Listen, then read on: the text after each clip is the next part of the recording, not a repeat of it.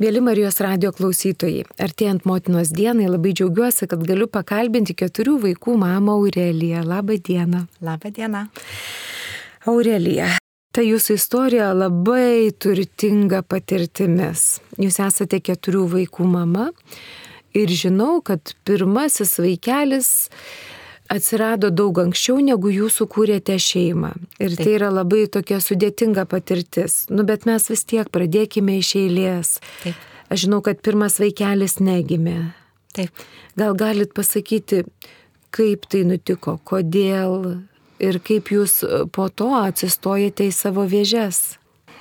Aš gana jauna išvykau į užsienį, į Ameriką ir ten gyvenau šešerius metus tuo metu e, dar nebuvo taip lengva ir gana brangu e, skristi į Ameriką, todėl per tuos metus nemačiau nei savo tėvelių, nei artimųjų žmonių.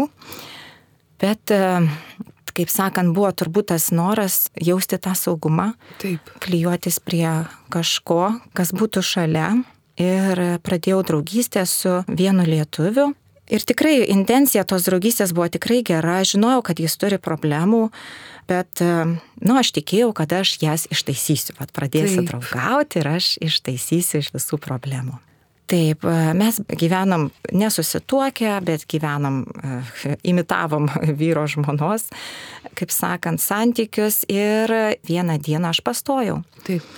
Aš tuo metu jau studijavau, įstojau mhm. į koledžą, labai džiaugiausi savo studijomis kaip ir laukiame to vaikelio. Draugo mama buvo ir lavytę nupirkusi ir, nu, kaip ir laukiame. Mhm. Nežinau kodėl, vieną dieną mane paėmė didžiulė panika. Neturiu mhm. absoliučiai jokios objektyvios priežasties, kodėl. Galbūt tai buvo sankaupa visko labai daug. Greičiausiai. Ir, ir tos problemos draugo, ir mano studijų, ir mano aplamai būsenos tiesiog pradėjau raudoti ir neapsakomai gera moteris, amžinatelsi Maira, kuri buvo tokia kaip mano globėja, kaip antra mama. Aš pas ją namuose ir gyvenau.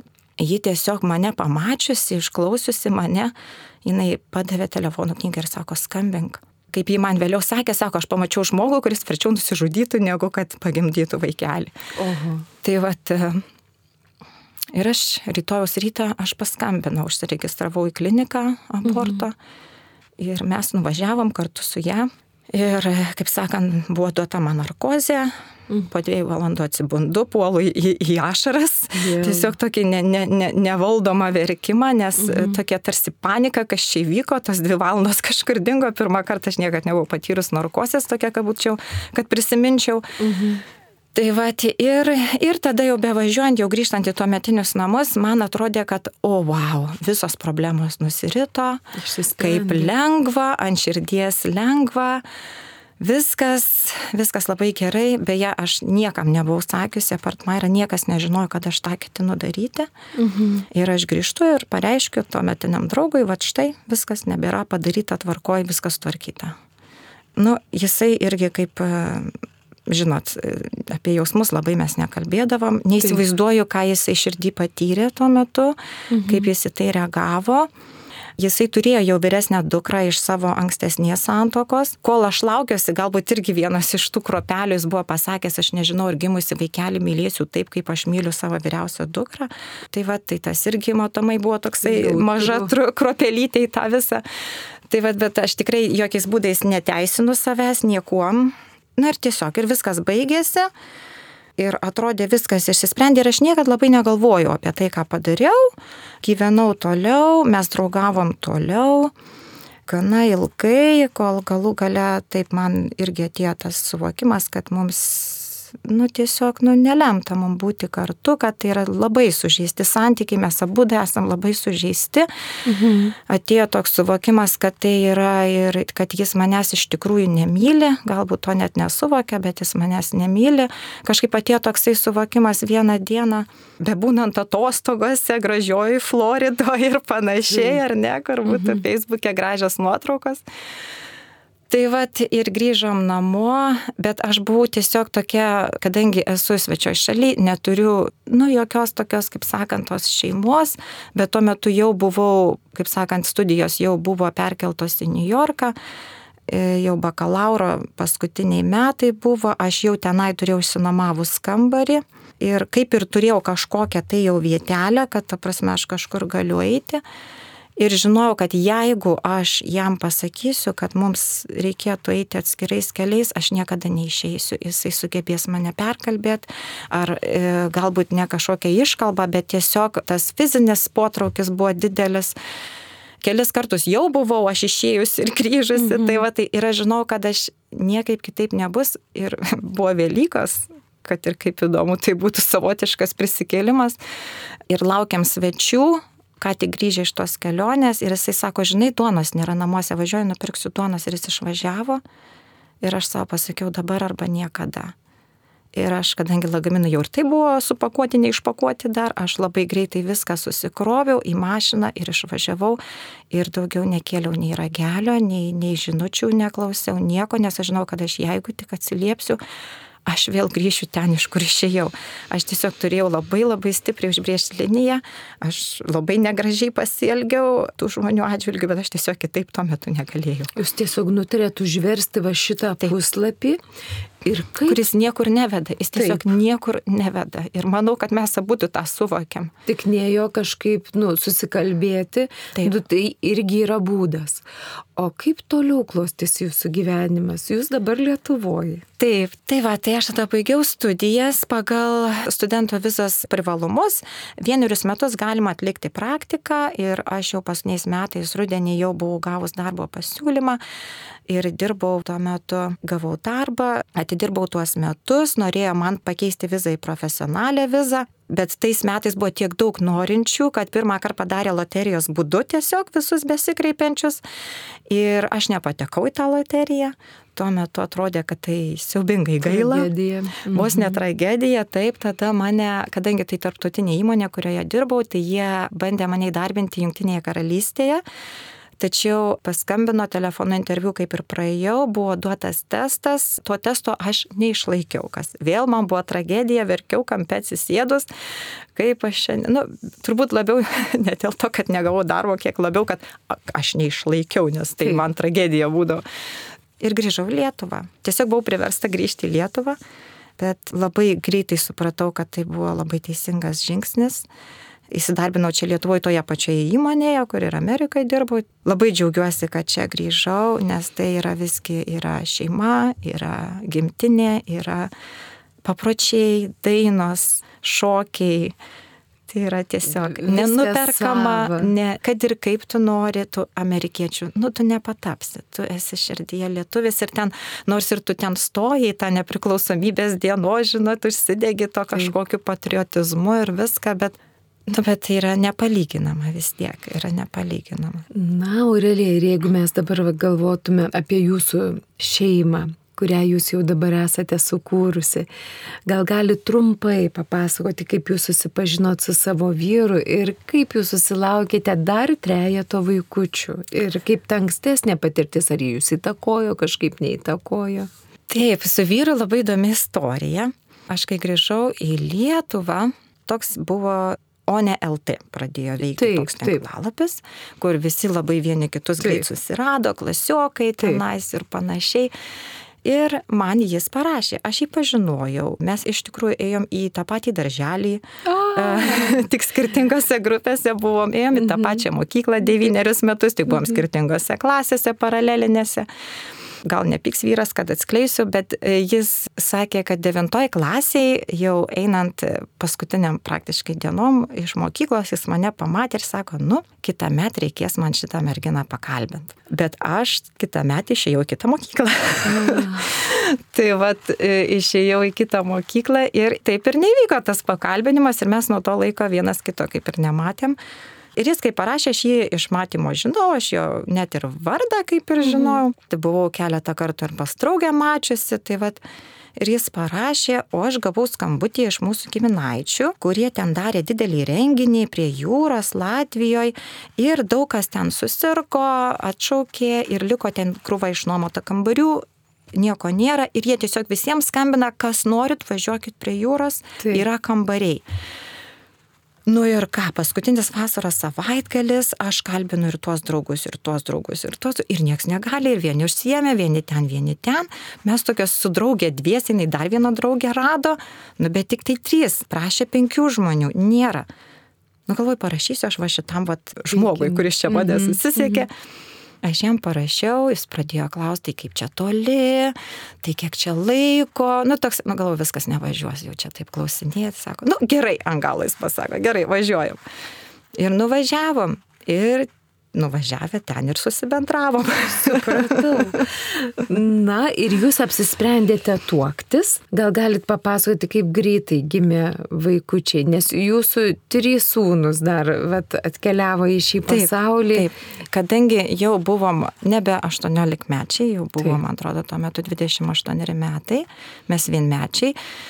Tai man buvo toksai vienas dalykas, kam čia ilgai draugaut, arba kažkas, arba kažkas. Ir lygiai taip pat susituokus, man irgi buvo, nu tai kas jau, mes čia jau nebe paaugliai, reikia vaikučių, kam ta santoka, jeigu nėra vaikučių. Taip, Nežinau, kažkaip man buvo labai dėlis noras vaikučių. Ir tada nutarėm ilgai nelaukti. Ir mes susilaukėm pirmojo vaikelio. Kokia savijauta susilaukus pirmojo vaikelio, kadangi niekada nebuvau pagimdžiusi vaikelio, o buvau labai tokia gana, gal ir esu, tokia gana veikli, gana visapusiška. Iš vienos pusės mane vadina lėta pėdė, Aha. bet iš kitos pusės man labai linksma visur dalyvauti, būti. Aš tuo metu ir šokau studentų kolektyvę, grįžau į savo studijų laikų tautinių šokių kolektyvę aerobiką lankiau ir, ir viską. Ir va susilaukus pirmojo vaikelio, tu turi sustoti. Tavo visi lakstymai turi sustoti. Ir jis dar gimė lapkričio mėnesį. Ruduo, tamsu, tos naktys ilgai tamsios.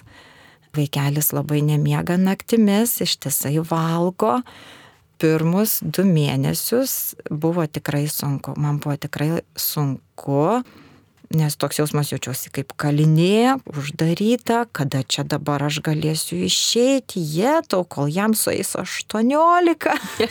nu, toks jausmas buvo, kad čia. Tokios O nevilties. jie, tikrai, nu, aš, aš kažkaip tuo metu nesuvokiau, bet man atrodo buvo ta tokia pogimdyminė depresija, ar ne? Mhm. Nes tikrai man buvo, tikrai sunku buvo psichologiškai. Tiesiog buvau tam nepasiruošus, nes mhm. nežinai, kam ruoštis, niekada Taip. neturėjai. Kažkaip nežinau, nueini pas kitus, pasidžiaugi tuo vaikeliu gimus ir išeini ten. Taip. Nėra to tokio suvokimo, pajūtimo, ką tai reiškia, kai vieną naktį neišmėgi, antrą naktį trečią naktį dar ateina vyras, tai sako, va, ja, tau negaliu miegoti, nes vaikelis, o tai aš galiu. tai Taip. Tai va, tai šitą ir, nu, ir dar mano tie apsisprendimai, aš norėjau auginti be sauskelnių, tai ir skalbimai tų vis tiklų, ir ten ir naktį skalbimo mašina eina, ir diena. Taip, taip. Tai va, tai čia buvo tokia pradžia. Jeigu aš sugrįžčiau tada truputį atgal, labai labai noriu dar padėkoti Kestučiui Rugevičiui kunigui, kuris mūsų tokia. Kodėl aš jam noriu padėkoti? Kai mes ruošiamės jau tuoktis, su bendradarbė pakalbėjom, jos sunus buvo nesiniai susituokęs, labai norėjau bažnyčiai tuoktis. Taip. Nors nebuvau praktikuojanti tuo metu katalikė, bet kažkodėl santoka turės būti bažnyčiai. Ir ji sakė, va, sunus tuokėsi labai, nu, fainas, kaip sakant, kunigas. sakė Toks labai. kriterijus Taip, tas kriterijus svarbus. sakė labai. Tai, tai, nu, tai ir mes tenais Pas tą fainą pas tą kunigą. fainą Mhm. kunigą. Tai vat, ir jis tada mus pasikvietė, mes pas jį nuvažiavom ir jis taip nuoširdžiai, labai paprastai su mumis pabendravo, paklausinėjo, ką mūsų tėveliai veikia. Užpildėm ten tą anketą, tiesiog man užteko to vieno sakinio pasakyti, tai gal jūs ateikit truputį dažniau į bažnyčią, ne tik per santoką, bet be jokio kaltinimo, be jokios ironijos, labai gražus sakinys ir jis man to užteko. ir aš pradėjau sekmanys eiti į bažnyčią. Ai, ir dar vienas sakinys, kuris man labai įstrigo per tą pokalbį, jis pasakė, jūs pradėsite naują gyvenimą, atversite naują knygos lapą, būtų labai gerai, jeigu prieitumėte iš pažinties. Mano vyro nei vieni sakiniai neužkabino, bent jau kiek Bet aš žinau, bet jau mane tarpu- tai Mhm. užkabino ir man aišku, per tiek laiko nieko nebuvę, iškart iškilo mano vaikelio, na, tiesiai, šviesiai sakant, nužudimas. Ir aš žinojau, kad aš turiu atlikti išpažinti. Aš tiesiog privalau prieš savo santoką atlikti šitą išpažinti. Gėda, bijau, pas kestutį tikrai neįsiu, nes jisai mus toks, nu kaip aš čia dabar eisiu pas jį iš pažinties tokį dalyką sakyti. Nu tai aš jau visiškai kitą bažnyčią, jau ten atsisė, jau prisiruošiau, nuėjau, tik įėjau į klausyklą ir tik aš tą žodį ištariau, kaip aš pradėjau raudoti. po aštuonerių metų visiškai apie tai negalvojus, kas tuo metu atrodė, kad tai yra kaip visų problemų išsprendimas ir, ir, ir tai tikrai buvo geras. Beje, netgi turėjau tokią teoriją, kad matomai aš nujaučiau, kad šitas vaikelis yra nesveikas, turbūt pas mane toks noras atsirado. Mhm. Tai vat, labai absurdiškai skamba šiuo metu, žiūrint iš to taško. Tai vat. Bet aš žinokit, nežinau, kiek aš laiko prasidėjau toj bažnyčiai, žinau, kad vienos mišios prasidėjo, jos baigėsi, kitos prasidėjo, baigėsi, o aš negaliu sustoti verkti, aš sėdžiu tam suolė, aišku, kunigas tuo metu beje klausyklais pradėjo mane raminti, vaikeli, tau viskas atleista, tik tu nus neverk, tik tu nusiramink, o aš niekaip negaliu, nu tiesiog nežmoniškos, atrodo, srovės eina iš vidaus. Tai vat ir viskas, ir nuo to laiko. Ir aš, žinokit, vat, su tuo vat, išgyvenimu aš gyvenu tokiom bangom, žinokit. Atrodo, jau viskas, jau man atleista, viskas, nu tikrai jau viskas, mhm. jau viskas, jau mhm. susitaikiau, viskas. Ir žinok, praeina kokie metai, gal mažiau, gal daugiau, bet kas, kas paliečia vėl tą temą, pas mane vėl ir vėl ir vėl ir vėl kyla ir vėl srovės eina ir, jeigu tik galėčiau atsukti laiką atgal, niekada gyvenime nesiryščiau tokio. Kad ir kas bebūtų, niekada nesiryščiau tokiam, ta prasme, net ne, nemoku pasakyti, nesiryščiau, net negalvočiau apie tokį pasirinkimą, mhm. nesvarbu kokia situacija. Mhm. Nes dabar gyventi su tuo metų metus iki pat galo yra tikrai beproto sunku. Mhm. Tikrai beproto sunku. Labai mhm. sunku savęs nekaltinti. Ir vėlgi grįžtant prie kunigo Kestučio Rukevičios, kadangi aš taip ir toliau ėjau ir po santokos į bažnytėlį, ir su pirmu suneliu jau gimusiu važinėjom. Ir aš, na, pradėjau aukti tikėjime. Augant tikėjimą, pradėti sužinoti vis daugiau dalykų. Pasirodo, ir lytiniai santykiai iki vestuvių yra nuodėmė. Mhm. Nežinojau šito, reikia eiti mhm. išpažinti. Ir ateinu pas kestutį ir aš išpažįstu tai. Ir jo pirmas klausimas, ar buvo neštumo nutraukimo? Mhm. Ir aš taip, ir vėl verkimas nesustabdomas, mhm. ir vėl aš verkiu prie tos klausyklos. Ir jis sako, labai nuostabiai, tikrai, sako, žinok, tu sako, viskas gerai, tavo vaikelis jau senai tau atleido, jis pasviešpati. Sako, didžiausia užduotis, ką tu turi padaryti dabar, tai pati savo atleisti. Ir jis man patarė duoti vaikeliui vardą ir kars nuo mhm. karto uždegti už jį žvakutę. Tai vad, ir kaip sakant, po šiai dienai stengiuosi ir ačiū Dievui tikrai už tokias rekolekcijas kaip Rakelės vynogynas, apie kurią sužinau ne taip seniai. Ir manau, kad tikrai man reikėtų sudalyvauti. Jūs dar nedalyvavote? Ne, dar nedalyvavau.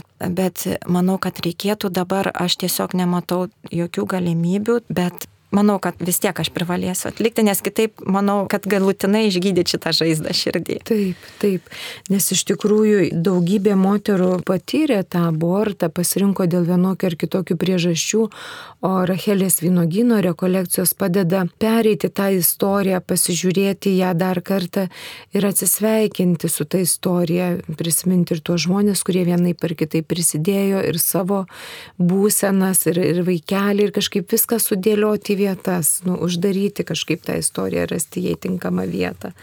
Mhm. Tai būtų labai smagu, jeigu kada atsirastų laiko.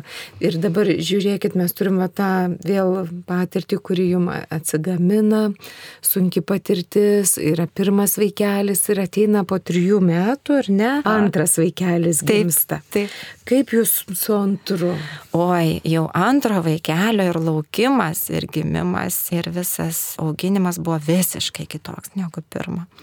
Kadangi jau pirmasis vaikelis jau jis išėjo iš kūdikystės, jis tapo mažu vaiku, jis tampa mažu žmogučiu. Aš matau, kaip jis auga, koks jo charakteris darosi.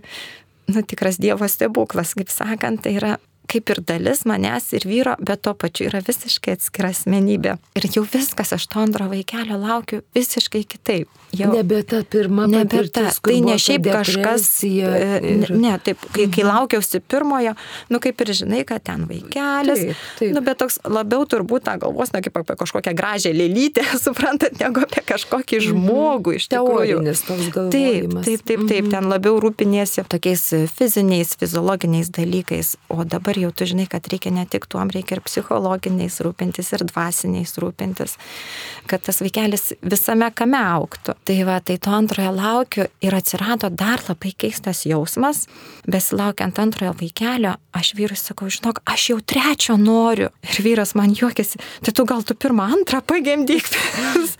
Atsirado labai didelis noras trečio vaiko. Dar negimus net antram, bet jau žinau, kad bus trečias tikrai. Tas vat yra labai įdomu tikrai. Tai va, ir gimė tas antrasis vaikelis ir su tuo antro vaikelio gimimu vėl dar ypatingiau sugrįžo to mano pirmojo vaikelio patirtis. Nes dabar aš matau, ką aš praradau. Ne tik aš, iš tikrųjų prarado visas pasaulis. Mes nežinom, kas ten turėjo gimti. Ar ne, kaip tėvelis Pijus, kai žiūrėjau filmą apie jį, vienai moteriai pasakė, tu nužudėjai popiežių, kuri pasidarė abortą. Ką aš žinau, ką aš nužudžiau. Supranta, tai vad, aš sakau, čia, čia yra toks dalykas, kurio tikrai niekada, niekada niekam nelinkėčiau, kad galėtų patirti. Tai vad ir žiūriu tą antrą vaikelį ir man vos ne prieš akis stovi tas pirmasis vaikelis ir tikrai buvo daug naktų, vakarų, kur vėl verkiau. tai vad, o antras vaikelis tikrai augo irgi kaip spindulėlis toksai ir tai va, tos du vaikučius auginau, nu tiesiog jau, jau viskas, jau tą antrą vaikelį aš būdama namie, jeigu su pirmu vaikeliu labai norėjau, nu kuo greičiau išeiti į darbą, nes jau čia jau vajedos tu mano, tai su antru vaikeliu aš visai nenorėjau grįžti į darbą jau. Aš tiesiog, aš jaučiau pilnatvę, aš jaučiau, kad tai, ką darau, skalbiu tos vystiklus, vėlgi be sauskaliau kitą. Ta juos kabinu, aš jaučiu, kad aš darau kažkokį tikrai didingą darbą. Prasminga. Prasminga, aš auginu Lietuvos pilietį, kaip sakant, tikrai prasmingas darbas. Ir visai neužilgo atėjo ir tas trečias vaikelis, nu ne visai neužilgo po penkių metų, ar ne? Taip, užsitęsė todėl, kad mes nusprendėm, kad jau esam keturių e, asmenų šeima ir dviejų kambarių būte trup, truputėlį ankštoka. Plus mano vyro svajonė visada buvo pasistatyti savo namą. Tai iš tikrųjų buvom jau nusipirkę sklypą jau kai pirmas vaikelis gimė. Tai va ir po truputį, po truputį, kaip aš gimdžiau vaikus, taip mano vyras gimdė mūsų būsimus namus. Namus. Po truputėlį, vienais metais pamatai, kitais metais sienas, be, be jokių paskolų, kiek susitaupom, tiek, tiek lipdom. Ir už tai, nusako, nu, vyras, nu kaip, nu, mes, taigi tuoj kraustysimės, darbiškai palaukiam, Taip. dar truputėlį. Nu, aš irgi suvokiu, nu ką dabar pastosiu, paskui su pilvais tos baldus tašęs nešti. Nu, nu taip, tikimybė ten paskui persileidimo šalia vaikšta. Nu jo, reikia gerai. Tai va, tai ir pirmą naktį, kai mes tik persikraustėm ir buvo pradėtas mūsų trečiasis vaikelis. Irgi laukiam, tikrai labai buvo laukiamas vaikelis. Pirmas ultragarsas paprastai būna tiesiog pasižiūrėjimas ar pastojimas yra vietoje, antras ultragarsas gal kokių, nežinau, kiek ten tų savaičių buvo, penkios, šešios, mūsų gynekologė, pas kurią vat, visus tris vaikučius lankiausi, ji pasižiūri ir vaikučiai yra tachikardija, greitas širdutės plakimas ir jai kliūna galvytės forma. Ir ji tokia jau, tokiu gana išsigandusiu žvilgsniu man sako, tau būtinai reikia važiuoti klinikas, kur geresnė aparatūra, kad pasižiūrėtų, kas yra. Aš ją raminu, sakau, jūs nebijokit, kas be būtų, aš gimdysiu. Aš tikrai gimdysiu, bet ji ne, ne, ne, čia pagal įstatymus yra laikas, kada dar galima Nutraukti nu, nutraukti. Taip, kaip sakant, atsiranda laikas klinikose, ten man atrodo buvo devynios savaitės, man kai nuvažiuoju, nu jie irgi ten mato tachikardiją, mhm. Labai daugiau nieko prie nesikabina, nu ir didelė šlapimo puslė jam pasirodo. Mhm. Didelė šlapimo puslė, kodėl nedidelė, nelabai supranta, gal nepasišlapinęs vaikelis. Tiesiog tiek. Nu ir išeinam. Nu ir va sako, atva- atvažiuosit 18 savaičių, jeigu viskas gerai, tai viskas gerai. Tada jau matysis visi organai. Tai vad, nu ir, ir mes toliau viskas gerai, gyvenam, smagu. Tai vad, ir tos 18 savaičių atvažiuoju vėl į klinikas e, ir ten mergina žiūri, ten tikrai, nu, didelis ekranas, jautiesi kaip kino teatre, mhm. sako, viską matai, ką jie ten žiūri, mhm. spalvotas vaizdas ir skaičiuoja rankyčių pirštukus. 1, 2, 3, 4, 5, 6. Niekaip nesuprantu, sakėte. Dar kartą. Vienas, du, trys, du, penki, šeši. Sako, ar man su matematika blogai sako, ar čia. Mhm. Nu, dar pajuokam, o, sakau, koks pianistas bus, sakau, su šešiais pirštakai. Mhm. Ai, teisingai pasižiūrė, baisiausias buvo pergnas dėl tos tachikardijos, kodėl jį tie yra, bet aš buvau internete pasiskaičius, kad kartais tai būna ir kad praeina tas dalykas. Ir sakau, oi, tachikardijos nebėra, nu va, viskas gerai. Ir tada girdžiu, jinai skambina kitai gydytojai, kad ateitų. Ateina kita gydytoja jinai tokia matomai matosi jau su didesnė patirtim, viską ir jinai tiesiai šviesiai. Inkstai blogai, kepenys blogai, smegenys blogai, vienu žodžiu, blogai, blogai, blogai, viskas blogai, kraujotaka blogai. Aš guliu, nežinau, jau nebejokinga. Mhm. Ir jinai man tiesiai šviesiai sako, įtariam patau sindromą. 13 chromosomos mhm. susitrigubinimas tuo metu. Pagal tos visus šeši pirštukai, gomurio nesaugimą mato. Teisingai, jeigu dar truputėlį grįžtant atgal prie tų devinių savaičių, e, po to ultragarso dar paprašė manęs apsilankyti pas genetikę, kadangi mano jau amžius buvo skaitomas jau rizikingas amžius neštumo. 38 metai. Mm. Tai vad, nors kraujo tyrimus darė, ten nerodė jokios rizikos bet kokiam sindromui, tai jie sako, padarom vaisiaus vandenų tyrimą. Sakau, kodėl? Sako, nu, va, ištirsima, nes ten yra kūdikio lastelės, mhm. tada ten tikrai viskas, nes kraujas tai yra jūsų kraujas, Taip. o, o sako, ten yra kūdikio.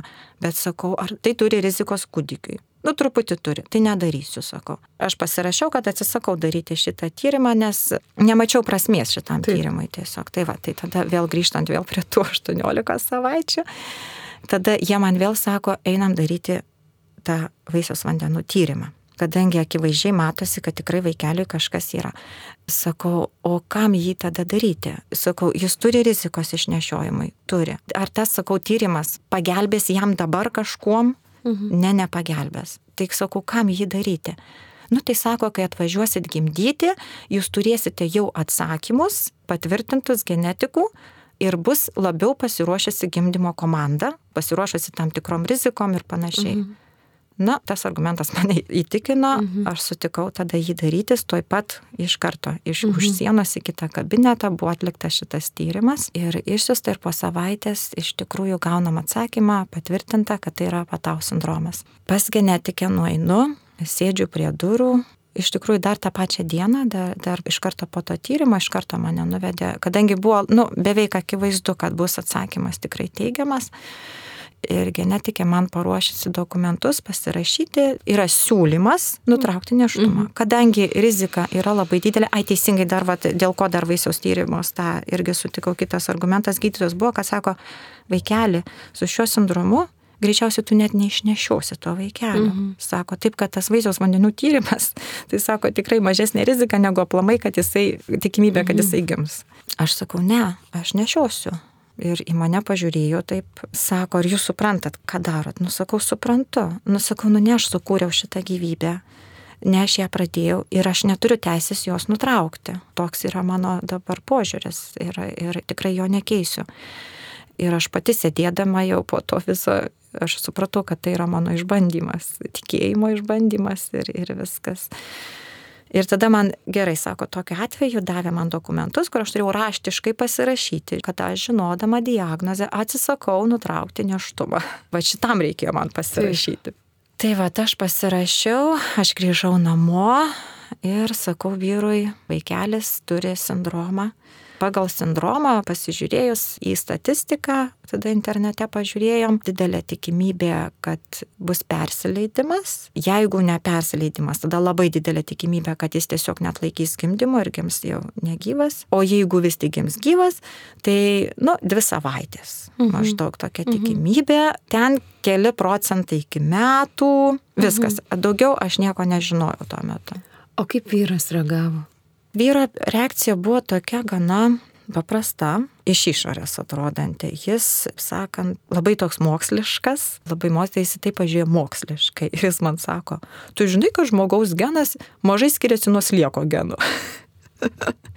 tai sako, žinau, kad tam genė kažkas netai padaryti yra tokia iš tikrųjų didelė rizika, kad sako, čia, kad kažkas atsitiko. Tai, nu, ta prasme, jis, jis, jis tiesiog ir, ir aš jam sakau, sakau, aš, aš nešiosiu šitą vaikelį tiek, kiek jam lemta, bet tokia yra tikimybė ir tiesiog jis, nu, kaip pasakyti, nu ką. Kiek gyvens, nu, ką? gyvens. Taip. Mhm. Aš noriu vat jūsų paklausti, vyras sužinojęs, kad yra šitas patau sindromas, nu pažiūrėjo filosofiškai šiek tiek ir tada kaip va ta realybė gyvenimo gimė vaikelis. Mhm. Ir žinau, kad jisai sėkmingai gyvena dabar. Kaip jūs priemėt visi ir sūnus, vyresni, ir vyras, ir jūs pati, Taip. tą realybę. Mhm. Mano vyras, aš bent jau tokia išvada buvau padaręs, jisai gyveno būtent su tais statistikos skaičiais kaip mokslininkas ir jis turbūt žiūrėjo, nu, kada visa tai baigsis. Toj, toj, toj viskas baigsis. Vyriausias sūnus tuo metu buvo 8 metų ir aš galvojau, kad jisai jau pakankamai supranta ir kadangi jau kai artėjo vaikelio gimimas, aš nutariau jam pasakyti, kad vis tik vaikelis serga, gali būti, kad jis negims, gali būti, kad jisai labai trumpai gyvens, nes labai laukia, jis labai vaikytis laukia Mhm. savo broliuko. Bet vėlgi jisai irgi pas mane labai užsidaręs ir jis, nu ką, palinksėjo vaikas galvyti ir tiek. Taip, antrajam, na, dieve, penkerių metų jam, kaip sakant, jis turi savam pasaulyje gyvena. O vaikelis vis tik išnešiojau beveik pilną terminą, jisai skaitėsi visiškai pilnai išnešiotas, užgimė puikiai. Mano didžiausia baimė buvo laukiantis to vaikelio. Beje, tą laukimą man labai padėjo išgyventi aušra iš šeimų centro, aš jai be galo dėkinga. Pas ją lankiausi, ji man padėjo pasiruošti bet kokiai aplinkybei ir jeigu negims, ir jeigu gims. Ir tikrai aš buvau priėmusi pilnai tą visą situaciją, galbūt todėl man buvo, tikrai nejaučiau jokio kažkokio sunkumo, panikos, depresijos, dar ko nors. Mhm. Tikrai kažkaip labai natūraliai viską priėmiau. Taip, tai vaikelis užgimė ir žinokit, jisai vis dar gyvena. Dar pradžioje gydytojai, dar vyras būdavo paklausdavo, nu kiek dar? Mhm. Nu pradžioj, nu pažiūrėkim, kas bus dvi savaitės. Baisu, baisu prisirišti. Mhm. Nu, tai va būtent, man atrodo, va šita buvo didžiulė vyro baimė pirmaisiais ypatingai metais. Mhm. Jis labai bijojo pamelti šitą vaikelį. Nes tiesiog net toks jautėsi atstumas jo. Mhm. Ten. Paskiau iki metų. Dabar jau gydus nieko nesako. Dabar nieks neklausė ir nieks nieko nesako. Taip, reikėjo pereiti daug su vaikučiu ir aš esu labai dėkinga visiems ir klinikų specialistam, ir nuostabių žmonių, kuriuos sutikom, ir Svetlana iš klinikų dvasinė asistentė, kuri tapo Augustino krikšto mamytė, kadangi jis gimė per patį COVID griežčiausiam sąlygom, kur nieks negali įeiti, Mhm. o mes ten esam ir, ir visi sako, kad reikia pakrikštyti, e, nes neaišku, kokia ateitis. Tai va ir kunigas Benas, klinikų kapelionas, pakrikštijo. Ir mano klausimas būtų Mhm. ir, pažiūrėjau, metai, antri, treti. Aš žinau, kad šitam jūsų suneliui reikia nu daug tokių fizinės, fiziologinės pagalbos. Ir kaip jūs su tuo susitvarkot? Mhm. Ir psichologiškai, ir fiziškai. Pradžioje auginau, nu kaip pasakyti, šeimoje augo vaikelis, kad ir reikėjo daug, reikėjo, kadangi jisai pats nevalgė, reikėdavo ir nusitraukti pienelį, ir sugirdyti pienelį, visas tas procesas trukdavo pusantros valandos, Mhm. tada pusantros valandos laisva ir vėl tas pats procesas prasideda. Ir taip Mhm. dieną naktį. Malda, malda tai numeris vienas, kas mane palaikė. Tikrai Mhm. viską, visus sunkumus aukojau, arba jeigu prisimindavau, aukodavau. Būdavo tikrai tokių momentų atsirasdavo, kai atrodo viskas, nes nežinau, kada viskas baigsis, o aš jau tikrai nebegaliu, jau tikrai Toks viskas. nuovargis. Jau tas nuovargis, jau tikrai nebegaliu, aš tokia nuvargus, o be prošvaiščių pailsėti, net nesimato, kada tai bus. Ir tada, kai va užima tą tokią beveik nevaldomą paniką, imu rožančių ir sukalbu rožinį ir žinokit, tarsi, nežinau, nemoku pasakyti, tiesiog kaip ranka nuima. Visiškai, Mhm. visiškai ir atrodo, kad jos kaip nebūtų. Ir vėl eini toliau. Augustinas, aš sakyčiau, pagrindinės jo pamokos tokios yra, kurias kiekvieną dieną jis mus moko. Tai pirmas dalykas - negyventi iliuzijose, kad šis gyvenimas yra amžinas. Ne čia yra gyvenimas. Negyventi iliuzijoje, kad šitas gyvenimas yra lengvas.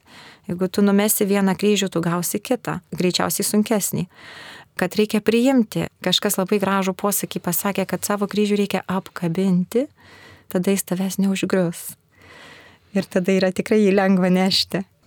Taip pat labai kita pamoka e, negalvoti, kad tu esi Dievas ir kad tavo sukurti planai tai turi būti realybė. Jau, jau šitą tai mes jau tiesiog įpratę, mes susiplanuojam, bet jeigu nepavyksta, mes nebepanikuojam, nebesinervuojam, mes tiesiog jas labai gražiai koreguojam, gerai, bandom tada kitaip, tada bus kitaip. Turbūt va tokios yra. Ir negalvoti apie ateitį iš tikrųjų, nes jeigu tik paleidžiu mintis, vaje to, kas bus, kai spauks, aš jo nepakelsiu, ką tada darysiu, kaip čia ta nugara mano atlaikys ir panašiai.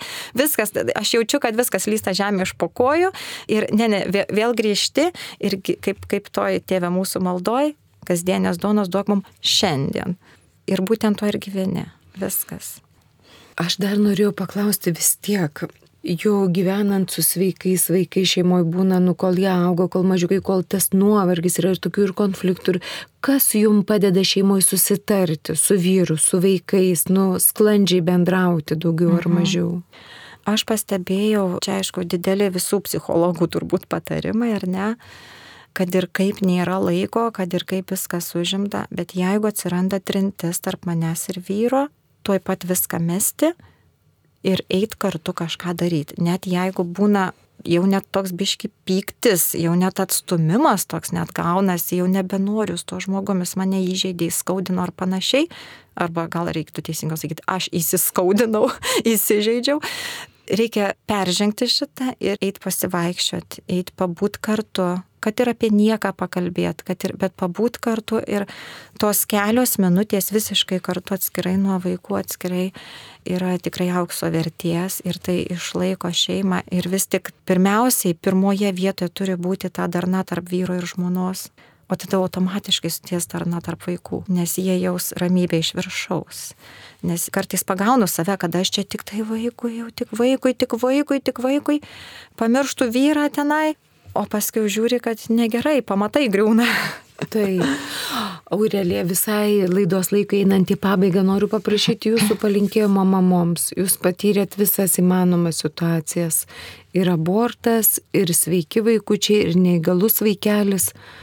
Ir iš tos visos savo gyvenimiškos patirties ir jau esamos išminties, ką jūs palinkėtumėt besiklausančiom mamom?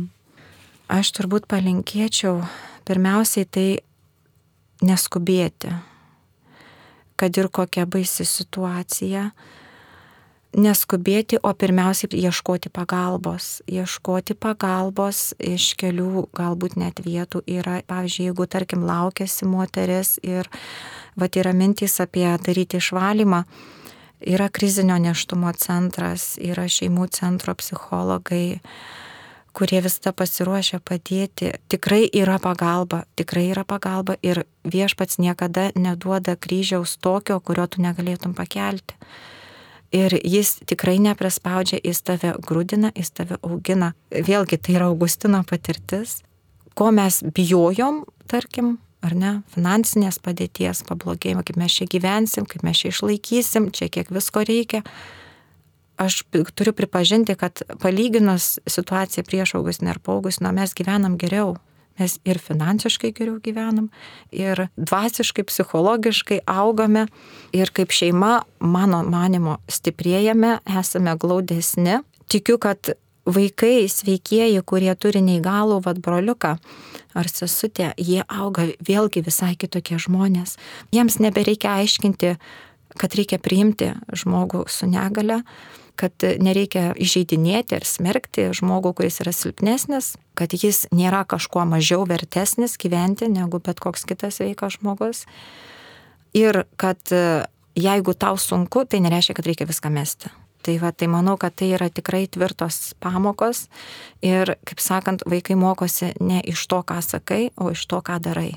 Ačiū labai, Aurelija, Jums už šitą nuoširdų ir atvirą pokalbį. Ir sveikinu visas mamas su artėjančia mamos diena. Aš taip pat labai prisidedu prie sveikinimų. Ačiū ir tuo pačiu noriu padėkoti savo mamai, ir vyro mamai, ir močiutėms, ir promočiutėms, ir visam genealoginiam medžiai. Dėkojom už gyvybę, dėkojom už tai, kad mes gimėm ir gyvenom. Ačiū ir sudė. Sudė.